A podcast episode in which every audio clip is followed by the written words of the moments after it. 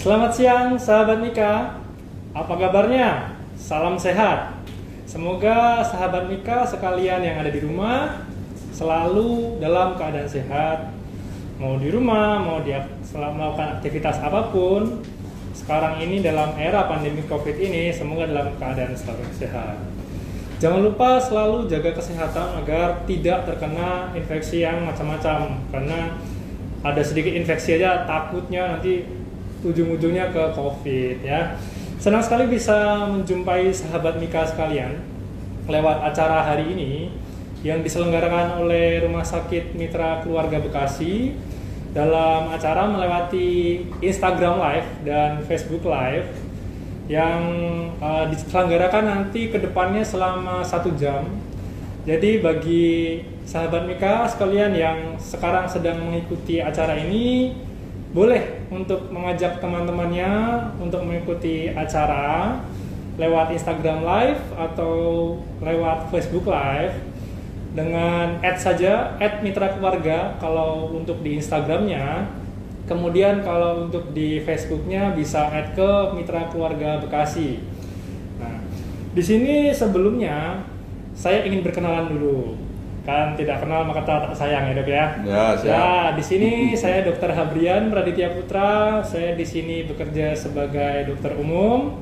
Saya berada di dokter IGD dan di sebelah saya ini ada seorang dokter yang sudah sangat senior, sudah sangat berpengalaman dalam prakteknya yaitu Dokter Kosasi Yusuf, S spesialis THT. Silakan dok, disapa sahabat Mika sekalian. Oke, selamat siang. Assalamualaikum warahmatullahi wabarakatuh. Salam sejahtera bagi kita semua. Saya Dr. Yusuf, spesialis THT dari Rumah Sakit Mitra Keluarga. Senang berbincang hari ini mengenai topik kita yang akan kita lakukan adalah sakit tenggorokan dalam uh, pandemi COVID-19 sekarang ini. Terima kasih. Mari kita mulai hari sekarang Yes, ini ya. Ya, seperti yang sudah disebutkan oleh Dr. Yusuf tadi, bahwa tema hari ini kita membahas tentang waspada sakit tenggorokan dalam keadaan era pandemi COVID seperti ini. Karena COVID sendiri itu memiliki banyak gejala yang e, membuat kita semakin panik. Apabila ada demam, kadang-kadang kita sudah dibilang sebagai COVID. Kadang-kadang ada gejala-gejala lain yang membuat kita panik. Nah, kita pastikan kita bisa bertanya kepada Dr. Yusuf ini sebenarnya hubungannya sakit tenggorokan dan dalam keadaan COVID ini ada nggak sih dok? Ada nggak sih dok hubungan sakit tenggorokan dengan infeksi COVID? Ada, ada. Malahan ini merupakan suatu fenomena di mana semua panik gitu loh. ya. Karena kita tahu bahwa gejala dari COVID itu seperti kita ketahui dibagi beberapa kasus ya, tergantung uh, uh, beratnya. Dari yang tanpa gejala, ringan, sedang, berat, sampai kritik. Nah, gejala yang paling ringan biasanya itu tidak spesifik, antara lain peradangan uh, saluran napasan atas disertai dengan sakit tenggorokan, demam, lemah, mual muntah, kadang-kadang disertai dengan sefalgia dan ada satu lagi kadang-kadang disertai dengan gangguan penciuman, anosmia dan gangguan pengecapan. Nah, itu semua cenderung ke arah yang kita takutkan itu. Apalagi kalau ada riwayat bahwa pasien tersebut pernah singgah di daerah yang kena wabah atau dia pernah kontak dengan COVID-19. Itu yang kita waspadai, jadi jangan dianggap ringan gitu loh. Karena semacam gunung es, kita lihat puncaknya tapi di bawahnya banyak sekali. Kira-kira begitu. Hmm. Oke, terima kasih dok. Jadi menurut tadi yang saya simpulkan adalah gejala sakit tenggorokan itu merupakan salah satu gejala yang bisa dialami pada pasien COVID ya dok ya, Betul. Benar ya, dok ya. Sedangkan pada era pandemi COVID seperti ini kita tahu sendiri bahwa pertama kali COVID itu muncul di Indonesia di Indonesia itu pada akhir Februari. Dan sampai saat ini COVID sendiri masih terus meningkat angka yang positif. Sesuai data yang kita dapatkan pada tanggal 28 Juni kemarin update-nya pada di Indonesia sendiri itu sudah ada 54.000 orang yang sudah positif.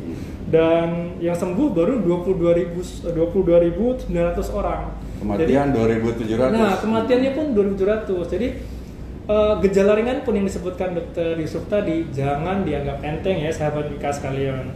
Oke. Eh, oh ya, untuk sahabat Mika sekalian yang ada di rumah maupun yang sedang mendengarkan eh, acara ini, eh, boleh silakan kalau ada pertanyaan bisa mengajukan pertanyaannya lewat kolom komentar yang ada di Instagram Live itu atau di Facebook Live tersebut. Tulis saja, ketik saja, nanti kita akan jawab satu persatu. Nah, untuk dua penanya yang terpilih dan dua penanya yang terbaik itu akan diberikan hadiah. Hadiahnya adalah se- sebuah paket data sebesar 25 GB. Jadi jangan sia-siakan. Bagi yang mau informasi lebih silakan bertanya apa pun akan dijawab oleh ahlinya di sini. Kita punya Dokter Kosasi Yusuf ya. Oke deh kita lanjut ya dok Baik. ya. Jadi kalau misalnya tadi dokter bilang gejalanya ada demam, ada sakit tenggorokan ya dok ya. Nah eh, sakit tenggorokan sendiri dok, itu bisa nggak sih dok membedakan yang mana yang COVID, yang mana yang tidak COVID? Oke. Nah, itu bagaimana? Jadi sakit tenggorokan itu atau radang tenggorokan itu bisa bermacam-macam penyakit Hmm. penyebabnya ya. Bisa dia karena virus, bisa karena dia bakteri. Nah, kalau virus radang tenggorokan, katakanlah dia faringitis atau tonsilitis, biasanya eh, rhinovirus, adenovirus, coxsackie-virus, Epstein-Barr virus atau eh, HIV ya. Sedangkan bakteri itu yang utama itu adalah grup em, grup A beta hemolyticus, Streptococcus beta hemolyticus. Bedanya bahwa virus biasanya disertai dengan demam, eh, lemah dan perasaan tidak nyaman seluruh badan. Tapi biasanya eh, di peradangan tenggorokan itu sekretnya sedikit atau hampir tidak ada. Sedangkan bakteri, bakteri itu biasanya sama demam, sakit tenggorokan, tapi kalau diperiksa di dalam tenggorokan itu warnanya hiperemis dan adanya sekret, adanya detritus yang bisa membedakan antara virus dan eh, bakteri. Gitu kira-kira Iya. gambaran eh, kasarnya ya. Jadi kalau COVID-19 ini kan termasuknya dalam virus ya dok ya? Virus. Berarti kita sebenarnya bisa membedakan hanya karena virus atau bakteri, tetapi Betul. mungkin untuk lebih jelasnya atau lebih detailnya ini COVID, virus COVID atau bukan COVID harus ada pemeriksaan lanjutan ya dok ya? Betul, Benar ya dok ya? betul. Oke dok. Eh, saat ini ada pertanyaan ini dok dari sahabat Nika. Jadi dari Instagram atas nama Endang Ganeviati 63 ya. Jadi pertanyaannya adalah eh, bagaimana jika ada sakit tenggorokan karena ada salah makan dok? Itu ada hubungan nggak dok? Sakit tenggorokan dengan salah makan katanya dok. Salah makan atau pola makan? Mungkin di sini eh, kita sini tidak ada pertanyaan detailnya seperti apa dok. Oke. Mungkin pola makannya juga bisa ya dok ya? Bisa. Hmm. Jadi seperti kita ketahui, tenggorokan itu pintu tol. Semua lewat situ, Ya, benar baik sekali. yang pedas, yang apa eh, es dingin dan sebagainya. Nah, apabila itu dilakukan dengan jumlah yang besar terus menerus itu merupakan satu rangsangan kronis. Sehingga bisa menimbulkan yang disebut peradangan faring, faringitis ya. Kira-kira begitu. Oke, Ya. siap dok. Jadi eh, tadi dokter sempat membahas ada yang mengatakan bahwa faringitis, ada eh, dokter juga mengatakan ada tonsilitis ya dok ya. Betul. Mungkin nanti kita akan bahas lebih lanjut masalah Boleh, faringitis ya. itu apa, tonsilitis atau apa karena mereka sama-sama mempunyai gejala sakit tenggorokan ya dok, Ah, benar ya dok ya. Oke. Mungkin kita mulai dari yang awal dok, dari faringitis dulu. Dok. Sebenarnya faringitis itu gejalanya atau eh, definisinya apa sih dok? Yang disebut faringitis itu seperti apa dok? Jadi faring itu adalah merupakan eh, saluran pencernaan paling atas ya.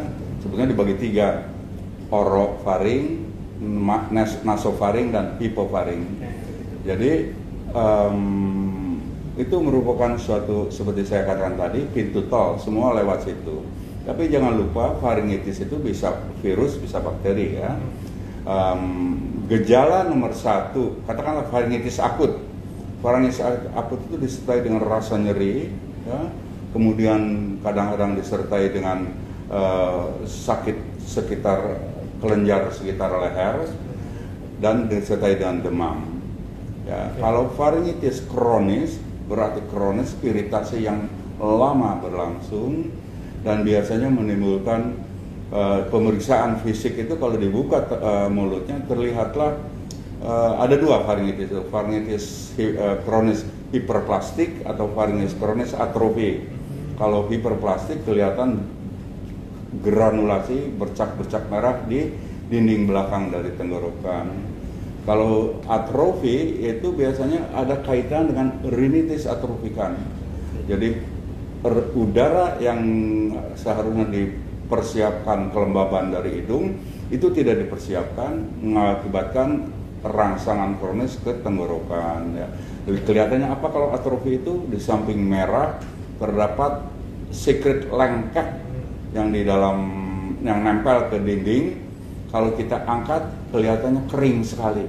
Itu kira-kira Oke, jadi kita sudah mendapatkan penjelasan tentang faringitis. Jadi kalau saya simpulkan faringitis itu berarti terbagi dua ya dok ya, akut dan kronis. Dan oh. faringitis ter tersendiri pun itu memiliki uh, penyebab yang sama dengan sakit tenggorokan tadi, yaitu antara virus, antara bakteri, atau yang lain-lain juga bisa ya dok ya. Nah, kalau uh, faringitis sendiri dok, itu kan banyak dok yang tanya dok, kok saya sakit tenggorokan sampai suara saya hilang Apakah itu merupakan faringitis tuh? Ya, itu bisa salah satu gejala dari faringitis. Salah satu gejala ya, ya. Serak dan hmm. sebagainya ya. Atau yang paling yang paling khas itu adalah apa? Serasa sesuatu yang mengganjal di tenggorokan itu. Yang sering dia kemukakan oleh pasien. Oke, siap dok. Nah ini dok tadi uh, untuk penanya atas nama Endang Ganeviati tadi dok, dia menanyakan lanjutan untuk masalah salah makan ini dok. Jadi uh, berikut uh, penyambungannya adalah uh, beliau pernah makan pedas katanya dok, habis itu sakit tenggorokan. Nah berarti pedas dengan sakit tenggorokan ada hubungan nggak dok? Saya rasa ada. Kalau dia ekstrim pedas, ya bisa itu. Siapa pun bisa itu. Karena Jadi sifatnya iritasi ya dok ya. Bisa. Makanya kalau makan jangan terlalu pedas nah. gitu.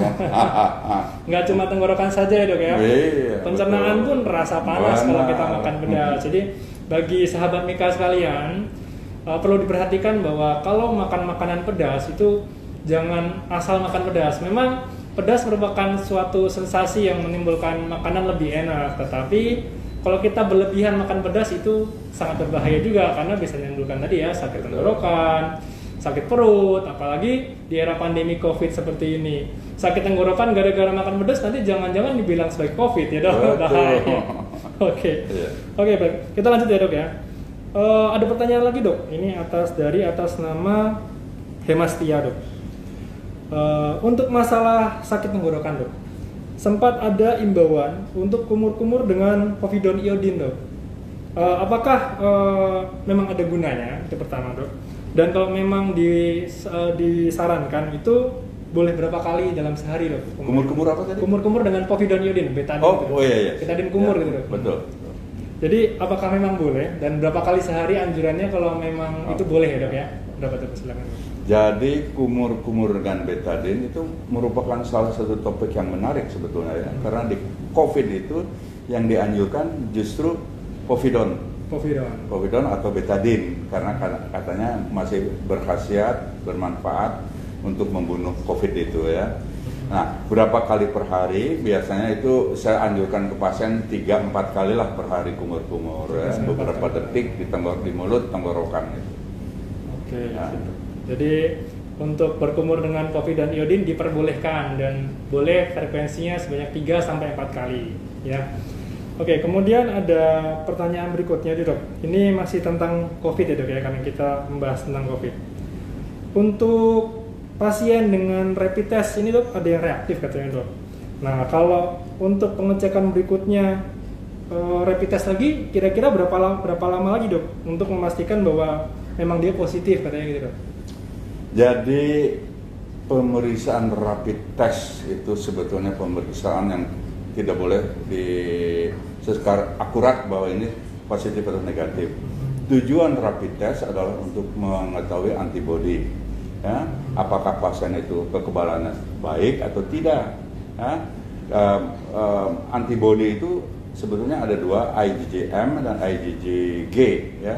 Nah biasanya kalau sudah dilakukan rapid test uh, katakanlah rapid test positif sebetulnya itu bagus karena badannya sudah ada kekebalan. Sudah ada kekebalan. kalau rapid test negatif badannya belum punya kekebalan karena itu harus diulang kira-kira uh, mungkin uh, dua minggu ke depannya diulang lagi Oke. jadi kadang-kadang orang bilang eh lu positif lo katanya itu belum bukan berarti dia covid positif bukan kekebalannya bagus ya kalau negatif kekebalannya kurang gitu.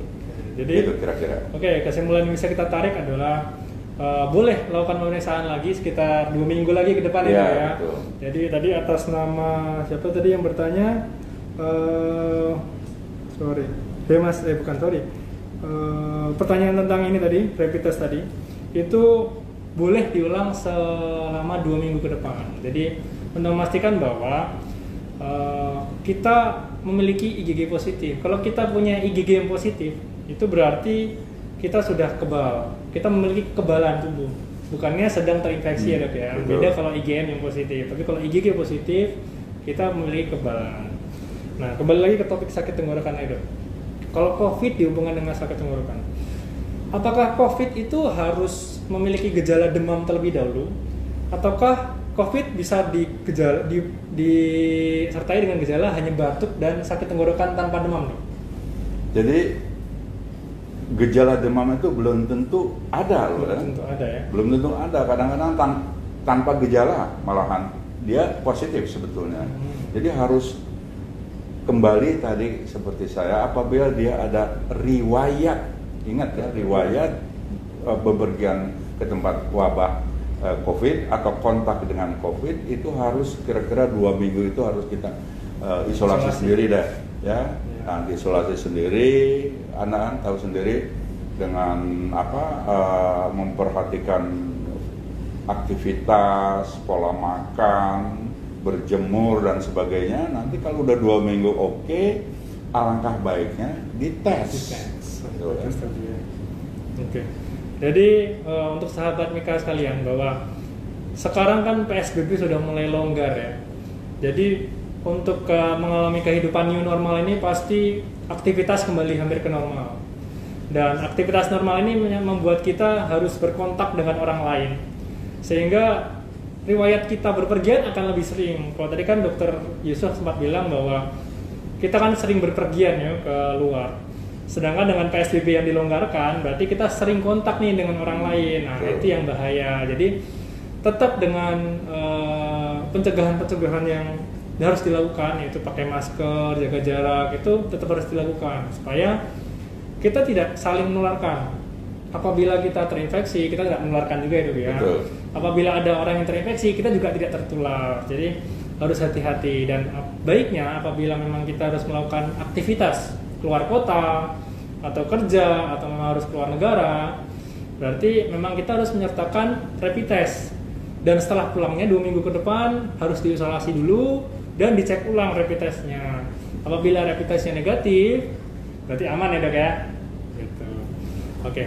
Kemudian eh, untuk berikutnya dok, tadi kan kita sudah membahas, membahas tentang faringitis. Kita maju ke berikutnya, itu tadi kan ada yang bilang laringitis. Kalau laringitis bedanya dengan faringitis apa dok? Pertama tentu lokasinya lain ya. Lokasi. Faring itu di atas, la- eh, faring itu di atas, laring di bawah. ya. Kalau orang laringitis kadang-kadang ada gejala kalau laringitis berat sampai dia pembengkakan dari laring, epiglottis bengkak sampai dia nggak bisa nafas. Sampai. Nah itu berbahaya tentunya ya.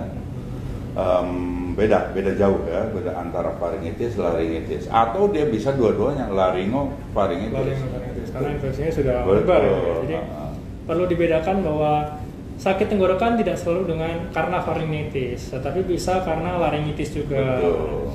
Dan, Dan, tadi paling sering itu juga tonsilitis jangan lupa. Tonsilitis. Radang itu yang Iya. yang da- hari ini tadi saya praktek itu banyak faringitis, laringitis, faringitis, eh, tonsilitis, tonsilofaringitis ya. Jadi semuanya di dalam benaknya itu COVID. COVID. Nah, padahal belum tentu lah ya. Oke. Nah, Kalau masalah sekarang tadi dokter bilang tonsilitis. Nah, kalau tonsilitis sendiri apa dok? Kalau biasanya awam mungkin dengar amandel, bener nggak dok? Silakan coba dok dijawab. Kenapa? Kalau tonsilitis, Nah, kan oh ya. orang-orang sering bilang amandel dok. Apakah benar dok? Coba Nah. dijawab ya dok ya. Jadi awam bilang amandel, ya, pada kalau bahasa kedokterannya tonsilitis. Itu juga di rongga mulut itu ada eh, benda atau organ yang kiri kanan itu amandel. Ya, kemudian di balik di tengah-tengah amandel ada juga organ. Katakanlah saudara kembarnya amandel itu adenoid. Nah, semua itu menutup hidung di, di belakang dan itu bisa mengalami peradangan. Nah, peradangan tonsilitis itu dibagi juga dua, itu tonsilitis akut, tonsilitis kronis. Dua-duanya menimbulkan rasa sakit, ya, demam, menelan sakit, pembekakan kelenjar di sekitar eh, leher. Nah, yang kronis, eh, yang sorry, yang akut itu seperti biasa, bisa karena virus atau bakteri, ya. Kalau yang kronis itu biasanya iritasi kronis. Jadi tonsilitis kronis di mana biasanya kronis itu katakanlah lebih dari 3-4 kali per tahun dia mengalami peradangan. Disertai dengan em, apa gangguan menelan ya terus kadang-kadang men- menimbulkan eh, otitis media pada anak kecil pada anak kecil. Jadi tonsilitis kronis peradangan amandel yang berulang kalau tonsilitis akut yaitu ya akut 4-5 hari sakit gitu ya jadi itu bedanya Oke. Jadi tadi kita sudah mendapatkan penjelasan ya tentang tiga penyakit yang tiga-tiganya memiliki gejala sakit tenggorokan. Jadi ada faringitis, ada laringitis, ada tonsilitis dan tiga-tiga ini merupakan penyakit yang sering terjadi sebelum Covid pun betul. sering terjadi. Jadi kita harus membedakan yang mana karena COVID, yang mana karena bukan karena COVID. Nah, untuk berikutnya dok, ada pertanyaan dari Vidya dok. Jadi siang dok, saya Vidya. Mau bertanya, apakah sakit tenggorokan karena riwayat amandel bisa digolongkan gejala COVID juga dok? Jadi sakit tenggorokan apabila apakah bisa di Yang karena riwayat amandel, apakah bisa dibilang karena COVID dok? no, bung tidak ya. Jadi tanpa covid aja sakit amandel bisa aja terjadi Terjadi, gitu. ya. Tapi dengan adanya wabah covid ini kita selalu berasumsi Hmm. sakit tenggorokan karena covid. Ya. Jadi jangan parno istilahnya ya. Hmm, Nggak ya. boleh ya. Jadi harus harus memerlukan beberapa pemeriksaan lanjutan. Hmm. Apakah itu covid ya atau tidak. Oke. Tapi sakit tenggorokan jangan langsung diasumsikan dengan covid gitu. Ya, ya. Oke. Jadi kan eh, intinya adalah amandel, penyakit radang amandel belum tentu itu sebuah COVID. Walaupun COVID sendiri ada sakit tenggorokan ya. Jadi bedakan yang saya bilang tadi adalah tonsilitis itu harus dibedakan dengan COVID. Karena walaupun COVID adalah infeksi sakit tenggorokan juga, tapi infeksi utamanya ada di paru ya dok ya, bener ya dok ya? Bisa. Mm, Nah, sekarang kita bahas lagi masalah COVID. COVID sendiri sebenarnya penularannya bagaimana sih dok? Kok kita saling bisa menular tuh lewat mana dok? Jadi penularan COVID itu biasanya karena droplets ya, jadi Droplet ya. Percikan ludah, yaitu kalau kita batuk, bersin, ya di jarak antara satu meter lah kita itu bisa. Karena itu kita harus belajar bagaimana etika batuk, gimana etika bersin. Ya. Ada itu kalau batuk ya ditutup dengan Oh. apa? Mana? apa namanya ditutup begini atau dengan eh, tisu. Tisu sarung Nah, tangan ya, tisunya Dok? langsung di- dibuang. gitu. Jadi eh, penularannya untuk sahabat Mika bahwa penularan COVID tersendiri adalah dari droplet yang seperti Dr. Yusuf bilang tadi. Jadi mengapa sih eh, WHO menganjurkan kita pakai masker ya dok salah Betul. satunya supaya kalau kita tidak sengaja batuk itu tertahan oleh masker yang ada di muka kita ini. Selain itu juga kalau misalnya kita memang mau batuk gunakanlah etika batuk yang benar. Bisa dengan menutup dengan baju yang ada di sebelah kita ini atau dengan tisu tadi ya tisu ditutup kemudian dibuang jangan lupa jangan dipakai lagi nanti kalau dipakai ketularan juga dari Ya, orang-orang sama, lain ya. Oke jadi uh, kurang lebih ada pencegahannya adalah dengan menggunakan masker untuk saat ini ya dok ya. Uh, jadi masker tetap harus dipakai dalam aktivitas apa pun, apalagi kita harus bekerja. Nah, kalau menurut dokter nih dok, kan kita punya pelindung, ada masker, ada juga yang menjual-jual tuh face shield ya dok ya. Lebih aman yang mana dok, masker atau face shield tuh? Aman dua-duanya dipakai. Aman dua-duanya dipakai ya dok ya, benar. Betul. Jadi Hmm. lebih baik dua-duanya dipakai. Jadi itu demi keamanan kita juga, demi keamanan orang lain juga, sehingga kita bisa mencegah penularan satu orang dengan orang lain. Betul. Karena salah satu penderita COVID sendiri itu ada yang dinamakan OTG dok ya, orang Betul. tanpa gejala. Jadi eh, orang tersebut itu tidak tahu bahwa dia terinfeksi COVID, karena dia tidak memiliki gejala. Sehingga kalau misalnya orang tanpa gejala itu dia positif, dia bisa menularkan orang lain walaupun dia tidak memiliki Betul. gejala ya. Jadi harus hati-hati.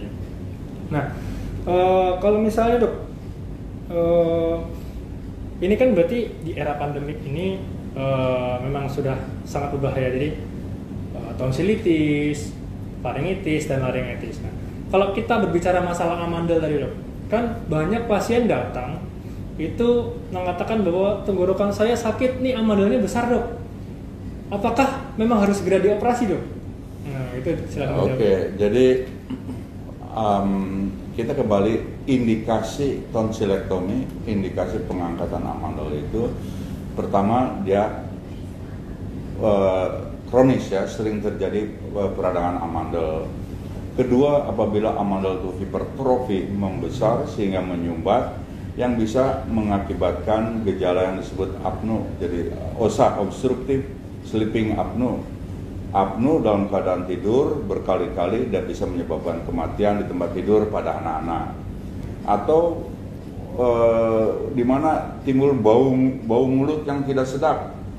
Sehingga diobati berkali-kali tetap aja bau. Nah itu juga indikasi untuk dilakukan tonsilektomi.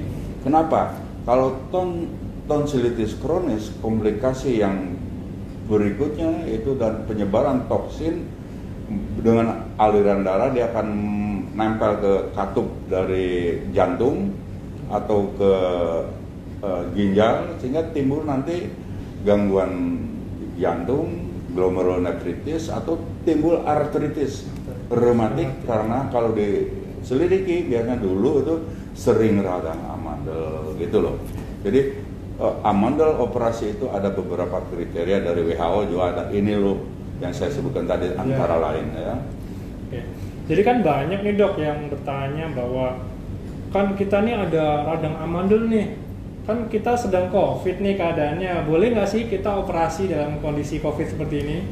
Kalau eh, sebetulnya boleh-boleh aja dengan catatan tentunya ya, dengan catatan bahwa s- eh, pemeriksaan rapid, PRC, ronsen toraks semuanya aman. Ya. Tapi kalau bisa, kalau bisa itu elektif. Jadi kita jangan dulu buru-buru dah. Lebih baik kita aman dulu, cari aman dulu. Kalau selama masih bisa dengan obat, kita obatin dulu. Kalau mentok ya apa boleh buat dengan catatan yang saya sebutkan tadi, yang macam-macam tes itu, ya. Itulah. Ya siap dok. Jadi buat sahabat Mika sekalian, kalau misal anda memang harus dilakukan operasi sesuai dengan indikasi yang disebut dokter Yusuf tadi, eh, diperbolehkan untuk operasi dan bagi sahabat Mika yang memang eh, mau memeriksakan diri ke rumah sakit mitra keluarga Bekasi itu sangat diperbolehkan. Di rumah sakit kita ini sudah sangat aman untuk screeningnya karena saat sebelum masuk ke rumah sakit akan ada eh, beberapa orang yang akan mengecek keadaan anda. Akan ditanya apakah ada demam apakah ada batuk apakah ada pilek gitu. Gejala-gejala COVID yang standar akan ditanyakan, serta akan dilakukan pengecekan suhu pada orang tersebut. Apabila ada salah satu tanda demam misalnya atau suhunya sudah meningkat, kita memiliki eh, pasien tersebut tidak boleh masuk ke dalam rumah sakit. Pasien tersebut akan dipindahkan ke rumah screening. Kita memiliki rumah screening yang letaknya ada di luar rumah sakit, sehingga kita bisa mengamankan bagian dalam rumah sakit yang sudah bebas dari gejala-gejala tadi kalau misalnya yang memiliki gejala, kita akan pindahkan ke rumah screening. Jadi untuk eh, anda-anda sekalian yang mau berobat, silahkan. Tidak ada batasan kita sudah melakukan screening secara ketat juga. Dan bisa bisa juga bagi sahabat mika sekalian yang ada di rumah jika mau, mau mengkonsultasikan diri melewati online juga bisa. Bisa melewati WA rumah sakit kita. Uh, eh, WA-nya ada di nomor 0822 1000 80 80 jadi saya ulangi sekali lagi kalau misalnya mau melakukan konsultasi online lewat WA itu bisa dengan menghubungi nomor WA 0822 1000 80 80 nanti WA tersebut setelah disimpan jika Anda ingin melakukan konsultasi hanya dengan ketik Hai H dan I Hai nanti akan ada pilihan untuk konsultasinya untuk appointmentnya nah silakan diikuti anda bisa mengikuti itu dengan gampang. Di sana sudah tertera cara-caranya. Setelah mendaftar, Anda bisa melakukan konsultasi online ya. Jadi bagi sahabat Mika sekalian yang ingin konsultasi untuk selanjutnya selanjutnya bisa lewat konsultasi online ya. Oke dok, kita lanjutkan ya dok ya. Boleh. Hmm. Jadi uh, untuk uh, jadwal dokter sendiri dok, jadwal dokter sendiri di sini, jadwal jadwal dokter praktek di sini kan ada berapa hari dok? Empat hari ya dok ya? Betul. Jadi jadwal dokter Yusuf sendiri di sini ada hari Senin, hari Rabu, hari Jumat dan hari Sabtu pukul 9 sampai 13. Jadi bagi sahabat Mika yang ingin mengkonsultasikan diri untuk datang ke sini uh, bisa datang di jam-jam tersebut kalau misalnya ingin berkonsultasi dengan dokter Yusuf ya. Ada di hari Senin, Rabu, Jumat dan Sabtu pukul 9 sampai 13. Uh, silakan appointment, silakan berkonsultasi dengan Yusuf. Dokter Yusuf sangat terbuka. Tapi yang pasti jangan lupa persiapkan diri yaitu dengan pakai masker ya.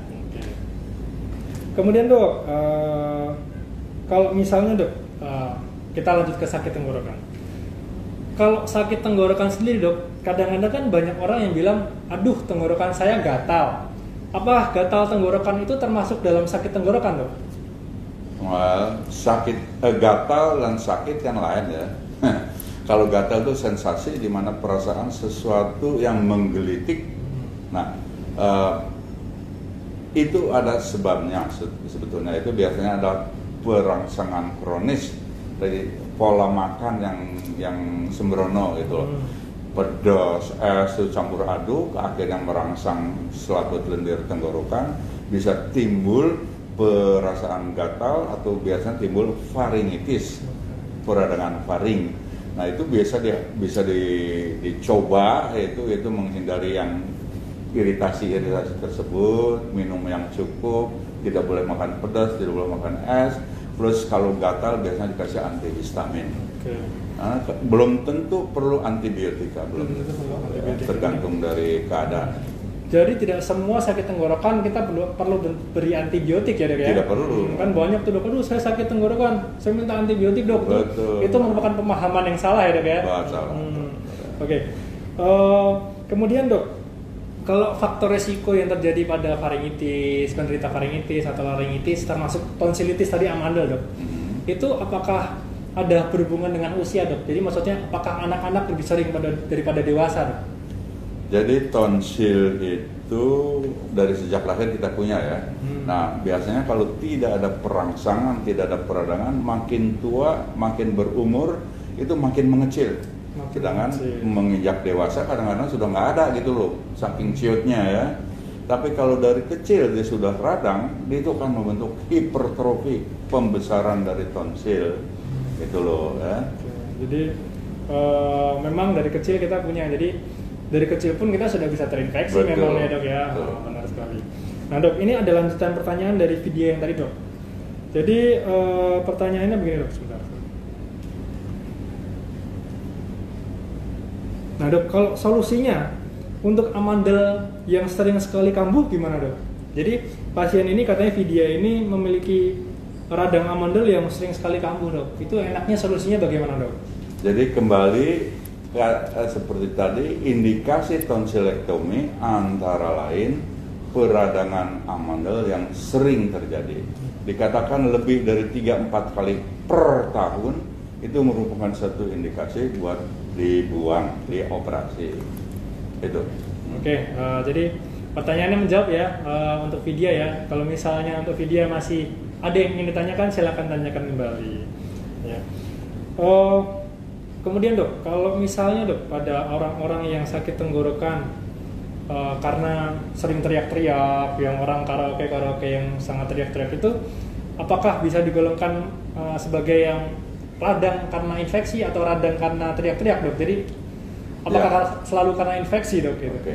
Jadi kalau kita berteriak itu biasanya mau memakai tenaga kan ya. Kalau tenaga dipakai terusan biasanya kita kan capek, haus. Demikian pula tenggorokan pita suara. Ya, karena itu e, bisa timbul peradangan dari pita suara mengakibatkan menjadi serak dan kadang-kadang kalau di, di, di forsir terus-terusan bisa mengakibatkan polip di pita suara. Hmm. Jadi sampai dia tidak bisa ngomong gitu.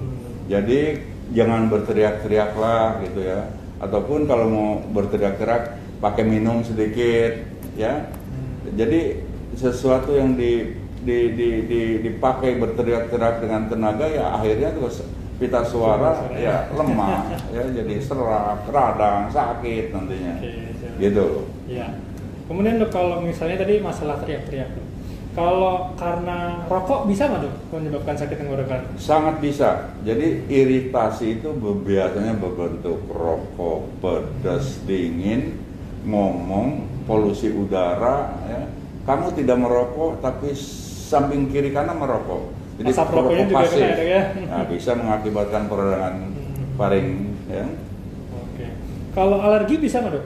Alergi bisa. Bisa juga ya dok ya. Jadi memang banyak macamnya sakit tenggorokan. Hmm, jadi kalau alergi kita katakan uh, alergi di hidung ya. Hidung. Nah, selaput lendir hidung, selaput lendir tenggorokan oleh paru itu jenisnya sama. Hmm. Jadi kalau alergi di hidung pasti ke bawah pun alergi. Pasti ke bawah alergi. Ya, jadi uh, kembali yang tadi jadi tidak semua sakit tenggorokan itu pasti diobati dengan antibiotik, tergantung penyebabnya dari mana.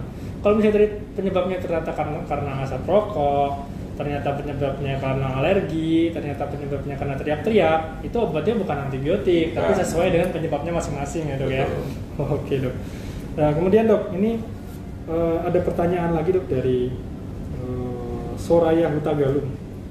Dia mengatakan bahwa dokter empat hari yang lalu tenggorokan saya sakit sekali, susah menelan dan demam naik turun selama dua hari mencapai 38 derajat dok. Ini sekarang sudah masuk 4 hari kan dok? Jadi alhamdulillah sejak kemarin sudah tidak demam lagi dan sakit tenggorokan membaik. Namun sebelumnya uh, dia tidak pernah ada sakit tenggorokan sampai demam dok. Tidak ada riwayat amandel juga dok. Jarang flu dan jarang sakit katanya dok. Nah kemarin ini malah sampai demam tinggi kan 38 derajat. Uh, beliau hanya mengkonsumsi paracetamol dua hari saja.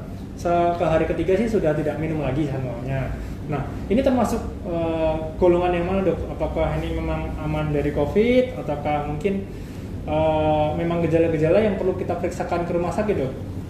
Jadi kembali kalau peradangan aman, amandel itu ada kronis ada akut ya. Ini kalau ini kayaknya akut ya, beberapa hari, hari ya, ya, beberapa hari sakit. Jadi itu belum tentu dari COVID loh. Ingat ya bahwa tentu dari COVID karena itu kalau mau lebih lanjut tahu itu COVID ya atau tidak, itu alangkah baiknya dilakukan pemeriksaan cek, entah rapid test, entah PCR, untuk me mengetahui supaya kamu tenang gitu loh, yeah. supaya pasiennya tenang ya. Jadi ini juga mungkin di samping buru-buru antibiotika ya itu hindarilah yang merangsang tenggorokan dan minum yang cukup dulu. Yeah. Tadi paracetamol oke okay, boleh ya Berarti langkah yang dilakukan oleh Soraya ini sudah benar ya dok ya? Betul. Pengguna paracetamol dulu ya dok ya.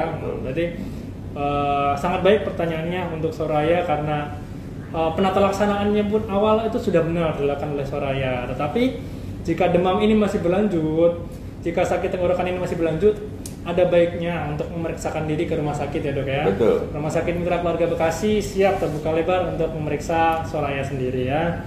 Nah dok, Berarti uh, sekarang yang ingin kita tanyakan ada berarti sakit tenggorokan apa dok yang perlu kita waspadai yang harus sampai orang tersebut memeriksakan diri ke rumah sakit dok? Oke.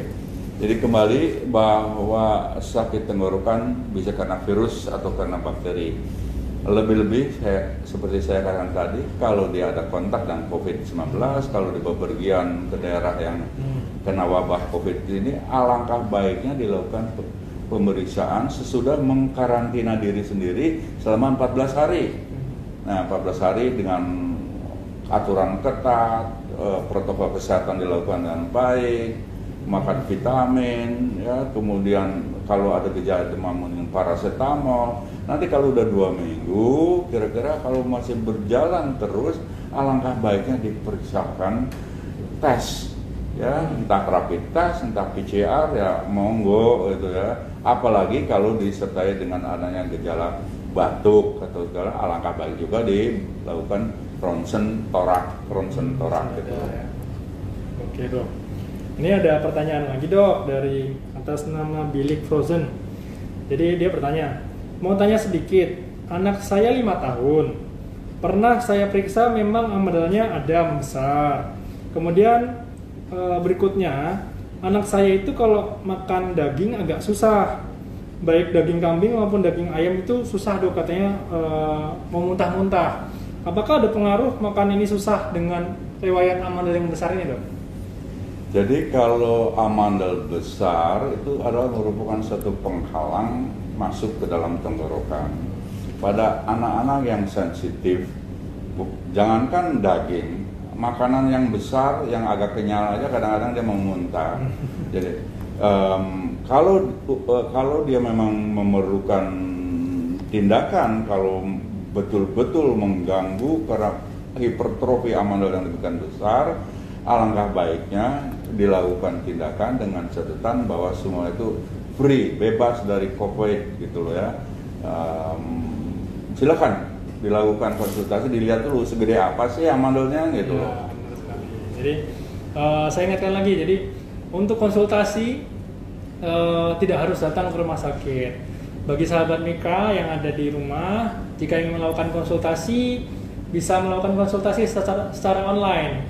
Cukup dengan menghubungi nomor WA di 0822 1080 80. Anda bisa mengonsultasikan, diri Anda secara online. Saya ulangi lagi ya nomor WA-nya 0822 1080 80. Anda bisa mengkontak WA tersebut dengan hanya menulis hai, HI, hai. Maka nanti akan ada balasan dari WA rumah sakit. Uh, di sana akan banyak appointment-appointment. Silakan pilih. Anda pilih aja konsultasi online, maka tinggal ikutin saja cara-cara tersebut. Di sana sudah lengkap. Anda bisa tinggal mengikutin saja. Lalu Anda bisa melakukan konsultasi secara online, gitu ya. Oke dok, eh, kita lanjut lagi dok. Nah dok, kalau misalnya masalah pengawet makanan dok, itu bisa bikin sakit tenggorokan nggak dok? Pengawet. Pengawet makanan. Ya kalau ekstrim pekat bisa saja itu Bisa kan iritan, iritasi apakah dia faktor alergi dari eh, bahan-bahannya bisa aja mengakibatkan rangsangan, timbul reaksi alergi, timbul peradangan, sakit gitu loh. Bisa ya. Sangat bisa. Kalau pengawet makanan sendiri dok yang dikonsumsi sering banget dok, itu selain bisa menyebabkan kanker tenggorokan nggak dok? Kalau dia kronis bisa, Bisa, bisa, ya, ya, Karena itu ya jangan terlampau jajan-jajan yang anak-anak kan zaman sekarang jajannya pakai MSG, ya? buah tuh, warna merah, hijau, nama. Jadi Ya. pewarna-pewarna banyak, gitu, jadi, jadi banyak MSG juga dok ya. Jadi menyebabkan tenggorokan ini terpapar terus makanan Betul. yang tidak baik sebenarnya dan Ya, ya. dan kanker sendiri bisa menyebabkan sakit tenggorokan ya dok dan susah Bisa. menelan malah dok ya. Hmm, bisa, Nah, jadi memang harus hati-hati bagi sahabat Mika bahwa makanan juga harus dijaga. Jadi mungkin dokter bisa kasih tips pencegahan-pencegahan apa saja yang bisa dilakukan untuk menghindarin kita terinfeksi sakit tenggorokan gitu dok. Mungkin bisa disampaikan dok tips-tipsnya apa aja dok untuk pencegahannya dok. Jadi kita bol untuk pencegahannya, pertama untuk pencegahan radang tenggorokan itu ya kita boleh aja makan, tetapi tidak berlebih-lebihan. Makan jangan terlalu yang uh, pedas, ya dingin, terus yang berbumbu, yang bumbu hebat gitu ya. Itu dikurangi ya kalau makan mungkin sekali-sekali boleh tapi jangan merupakan satu keharusan saban hari makan yang demikian gitu loh dan dianjurkan juga minum yang cukup, air putih pun bagus sekali gitu loh ya itu rasa-rasa dan konsumsi vitamin oke-oke aja boleh ya Hmm, jadi memang eh, banyak pencegahan yang bisa lakukan ya. Dan salah satunya dengan minum cukup itu bisa mencegah kita terinfeksi sakit tenggorokan. Jadi makanan pun harus dijaga bagi sahabat nikah sekalian. Oke dok, ini ada beberapa eh, fakta atau mitos yang mungkin saya sampaikan. Apakah memang ini merupakan fakta atau mitos ya dok? Mungkin bisa dijawab ya dok ya. Jadi eh, sakit tenggorokan itu merupakan penyakit yang musiman dok. Itu merupakan fakta atau mitos dok? Sakit tenggorokan itu merupakan? Uh, penyakit yang musiman, jadi datangnya musim-musim ini aja, misalnya seperti itu. ya tergantung. Katakanlah sekarang musim mangga ya, musim mangga ya. Itu oh, dari pagi sampai malam makan mangga terus. Mangga, bisa bisa saja. saja, ya. apa? Kemungkinan ada faktor alergi itu loh. Hmm. alergi dari getahnya atau apa pun juga bisa. Jadi ya bisa saja musiman Bisa bisa. saja musiman ya, tapi tergantung kondisinya sebenarnya. Betul. Apalagi COVID gini banyak yang sakit tenggorokan juga ya. Dok, ya. Benar. Oke dok. Terus ada yang uh, bertanya juga dok, apakah memang berku- berkumur dengan air garam itu bisa mengurangi sakit tenggorokan dok? Kalau sakit tenggorokan tidak parah, ya, itu bisa dengan kumur air garam. Jadi garam dapur dilarutkan dalam satu gelas air hangat, Hmm. kumur boleh ya. Boleh, Eh, atau kumur dengan air. Kadang-kadang saya pernah baca itu orang sakit tenggorokan dengan minum minum em, apa itu eh, lemon, Lemon. jahe merah, lemon ditambah madu itu bagus katanya. Nah bisa dicoba itu, tidak ada salahnya ya. Ada ada pengetahuan baru nih jahe merah, lemon dan Lemon madu dan ya dok ya. madu, Nah, ya. Itu bisa dicoba untuk bagi sahabat Mika yang mungkin sekarang lagi sakit tenggorokan bisa dicoba. Hmm. Bisa juga tadi air garam juga bisa ya dok berarti ya dok. Bisa. Hmm. Oke dok. Ini ada eh, fakta lagi dok, fakta atau mitos dok. Jadi amandel dok, kita kan tadi sebelum bicara amandel. Amandel itu berperan sebagai responden pertama tubuh terhadap patogen, bener nggak dok? Jadi terutama pada anak-anak ya bahwa amandel itu merupakan alat pertahanan tubuh. Jadi kalau bisa operasi amandel itu jangan dilakukan pada anak kecil. Hmm. kecuali pengecualian yang disebut OSA obstructive sleeping apnea. Itu umur 2 tahun aja boleh dilakukan tindakan karena mengancam nyawa anak tersebut.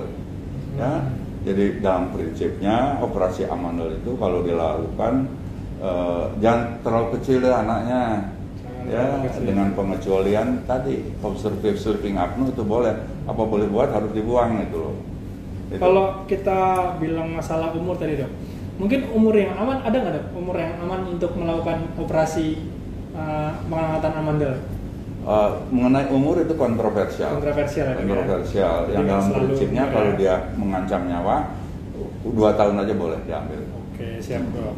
Nah kalau tadi kan uh, kan memang merupakan salah satu kekebalan kita sebagai patogen untuk terhadap patogen ya dok.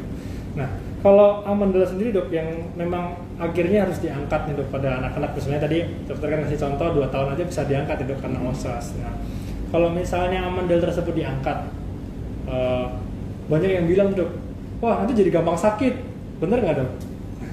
Ya, katakanlah anak umur 2 tahun, Hmm. amandel kita angkat, ya, karena dia memang harus ya indikasinya yang kuat sekali. Tentunya sesudah pengangkatan amandel dia kan ada suplemen dari luar, dari luar entah vitamin entah apa untuk mempertinggi daya tahan tubuh sampai umur kira-kira 13-14 tahun biasanya sudah udah kuat gitu loh. Jadi jangan merupakan suatu momok bahwa umur kecil diambil, oh nanti sakit melulu, Sakit. belum tentu Betul. ya. Oke dok.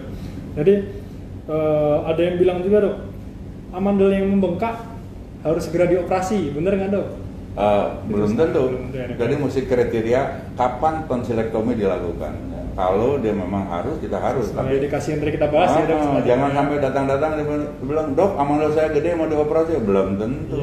Nah, jadi jangan berpikir bahwa ketika kita melihat eh, anak kita itu amandel yang besar, wah saya harus cepet-cepet ke THT nih, Hmm. karena harus operasi ya. Jangan berpikir seperti itu untuk sahabat nikah. Jadi amandel yang besar kalau kita obatin dengan obat bisa ada respon, alangkah baiknya dengan obat dulu, jangan langsung operasi karena operasi sendiri kan kita melakukan tindakan, berarti tindakan tersendiri juga uh, memiliki uh, faktor resiko, faktor resiko bisa terjadi perdarahan ya dok ya. Bisa Betul. terjadi- Jadi jangan lupa juga uh, uh, volume dari amandel itu merupa- bukan merupakan patokan operasi. Hmm, benar. Satu amandel yang kecil ya, tetapi dia sering meradang itu indikasi untuk tonsilektomi loh. Oke, berarti eh, nggak hanya ukuran yang kita bisa lihat, tapi seberapa sering radangnya terjadi Betul. juga harus kita lihat ya. Betul. Jadi bagi sahabat Mika bisa dapat pengetahuan banyak nih dari Dokter Kosasi Yusuf nih. Nah, eh, ada yang bilang juga dok begini, kan kalau kita ada sakit tenggorokan, sering kali kita mengatakan bahwa jangan makan gorengan ya. Kenapa itu dok? Kira-kira kenapa kita tidak boleh makan gorengan? Kembali bahwa iritasi itu ya. Iritasi kembali ya. Um, kan? jadi kalau gorengan kan berminyak gitu loh ya. Kadang-kadang kalau berminyak mengiritasi tenggorokan dan timbul peradangan. Jadi eh, prinsipnya boleh-boleh aja kita makan gorengan asal nggak berlebih-lebihan gitu. Dan sudah makan gorengan ya minum yang cukup. Itulah prinsipnya ya. Oke nih dok, ini ada pertanyaan dari atas nama Weni Maria. Oh ini sempat dijelaskan dokter tadi. Aman nggak operasi dok? Eh aman nggak operasi amandel saat pandemi covid ini? Tadi mungkin sudah dijelaskan lagi, tapi mungkin karena baru masuk bisa dijelaskan lagi dok. Aman nggak operasi amandel saat wabah pandemi? Eh, aman-aman aja dengan catatan tadi sesudah melakukan pemeriksaan semuanya bagus ronsen eh, dada torak paru bagus tes ko- tes rapid test atau PCR bagus nggak ada masalah Nggak ada masalah ya. Jadi bagi sahabat nikah yang memang tadi indikasinya memang sudah harus dioperasi, itu boleh datang ke sini. Uh, saat akan melakukan operasi, kita akan melakukan screening. Kita lakukan PCR, kita lakukan ronsen dada, dan ketika semua itu aman, maka operasi akan sangat uh, aman juga untuk dilakukan. Jadi saling mengamankan, pasiennya aman, dokternya pun aman. Betul. Jadi keluarganya pun juga ikut terasa aman saat kita lakukan operasi. Tapi boleh-boleh saja untuk dioperasi pada masa pandemi begini ya. Oke, Eh, ada pertanyaan lagi dok dari ini mungkin eh, menjadi pertanyaan terakhir juga ya dok ya. Dari so- sorry dari Vidya. Oh lan- melanjutkan tadi dok, Vidya dok. Ini mau tanya dok, katanya suaminya itu eh, sering rokok eh, vape dok, vape gitu. rokok yang elektrik. Hmm. Rokok elektrik ini sejak dia rokok memakai rokok itu katanya sering sekali mengalami batuk dan sering berdaham, hem gitu katanya. Seperti ada lendir di tenggorokan. Apakah itu hubungannya karena vape-nya itu atau karena memang sedang mengalami radang tenggorokan dok? Jadi mungkin pertanyaan sebelum vape dan sesudah. Kalau sebelum vape mungkin tidak ada kayak kalau di kesembilan tidak ada eh, keluhan ya. Keluhan, keluhan. Jadi vape atau rokok atau pipa atau apa pun juga itu merupakan suatu rangsangan kronis ya, di mana mengakibatkan satu eh, kadang-kadang menimbulkan suatu iritasi di tenggorokan, mengakibatkan produksi slam atau sekret yang banyak dan kalau pra- sekret yang banyak itu selalu kita mencoba untuk mengeluarkan itu dengan berdehem nah itu juga makin kita berdehem proses infeksi makin jalan gitu loh produksi sekret masih ada jadi alangkah baiknya stop vape kemudian kamu minum eh, yang cukup banyak Cukup. ya Jadi- itu sebetulnya Intinya sih eh, vape itu yang tidak baik. Vape itu yang tidak baik dan sebisa mungkin dihentikan perlahan-lahan. Jadi walaupun itu memang bukan suatu masalah radang, tetapi vape ini untuk ke depannya juga tidak baik ya. Seperti yang dijelaskan oleh Dr. Yusuf tadi bahwa rokok mau rokok yang tradisional maupun rokok yang elektrik, dua-duanya memiliki efek iritasi yang terus-menerus pada tenggorokan dan memang bisa menyebabkan eh, kanker ya dok kanker tenggorokan. Jadi memang sangat berbahaya gitu. Eh, ini ada satu lagi pertanyaan terakhir mungkin. Eh, atas nama Bilik Frozen menanyakan lagi bahwa apakah ada obat yang bisa mengecilkan amandel buat anak-anak dok? Soalnya anak saya ini sedang eh karena anak saya ini speech delay dan katanya suka ngeces gitu dok. Eh, apa sekali lagi Eh, ada nggak dok obat yang bisa mengecilkan amandel buat anaknya? Karena katanya anaknya itu speech delay dan suka ngeces katanya dok. Ngeces. Hmm, ngeces. Uh, ah. banyak keluar liurnya mungkin dok ya. Jadi kalau amandel sudah besar, sebetulnya tidak ada obat untuk ngempesin, Hmm. tidak ada obat untuk ngempesin, kecuali kalau dia satu saat dia memang lagi radang, nah itu ada obat yang bisa menge- me- meng- mengecilkan volume amandel atau mengobati peradangan saat itu. Tapi kalau udah sekian lama dia kronis radang terus radang terus sehingga terbentuk masa amandel yang besar, itu sudah tidak ada obat lagi untuk ngecilin. Kalau dia mengganggu ya satu-satunya dibuang itu, dioperasi ya. Dan ngeces tadi ya bisa aja kalau ama, umur berapa satu anak itu ya. Hmm. Kedua bahwa kalau dia amandel besar itu kan merupakan sumbatan sehingga mungkin produksi liur di mulut itu aja nggak turun ke, de- da- ke, ke ke dalam tapi dia keluar Ya. itu ngeces itu loh. Iya, Ya. iya. Oke, jadi eh, itu ya untuk informasi sebagai eh, dari Dr. Yusuf bahwa eh, kita memiliki tenggorokan ini fungsinya selain buat menelan kan juga memang kita punya produksi air liur ya. Kalau memang ada gangguan pada daerah tenggorokan kita bisa jadi liur itu bukannya masuk ke dalam tapi malah keluar-keluar lagi. Nah, itu yang kalau memang itu berlebihan dan menjadi suatu masalah bagi anaknya, boleh anaknya dibawa untuk konsultasi ke dokter Yusuf ya. Disesuai jadwal yang tadi.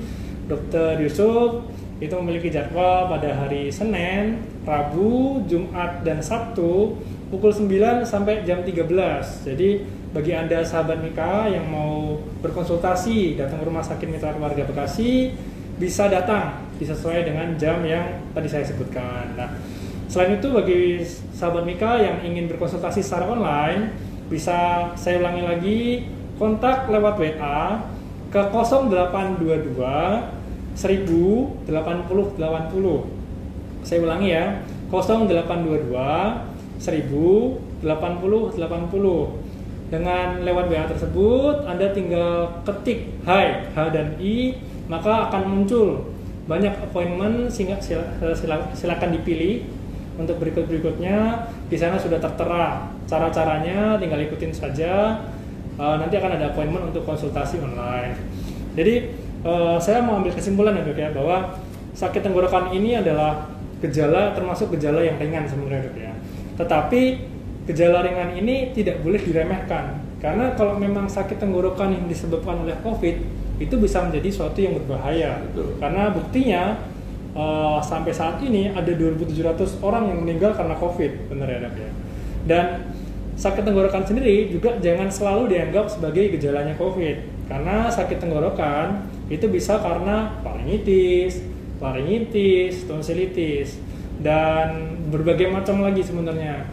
Dan nggak cuma karena infeksi yang diingat tadi bahwa sakit tenggorokan itu bisa karena iritasi yang terus-menerus seperti teriak atau merokok atau alergi. Jadi jangan menganggap sakit tenggorokan semuanya sebagai infeksi, apalagi infeksi COVID.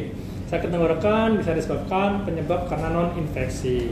Nah, untuk berikut-berikutnya jangan lupa lakukan pencegahan-pencegahan. Makan makan yang bagus, makan yang bergizi, jangan mengandung MSG yang banyak, minum-minum yang cukup. Kemudian untuk mencegah supaya kita tidak terkena COVID, kita bisa menjaga jarak ketika kita harus beraktivitas dengan orang lain.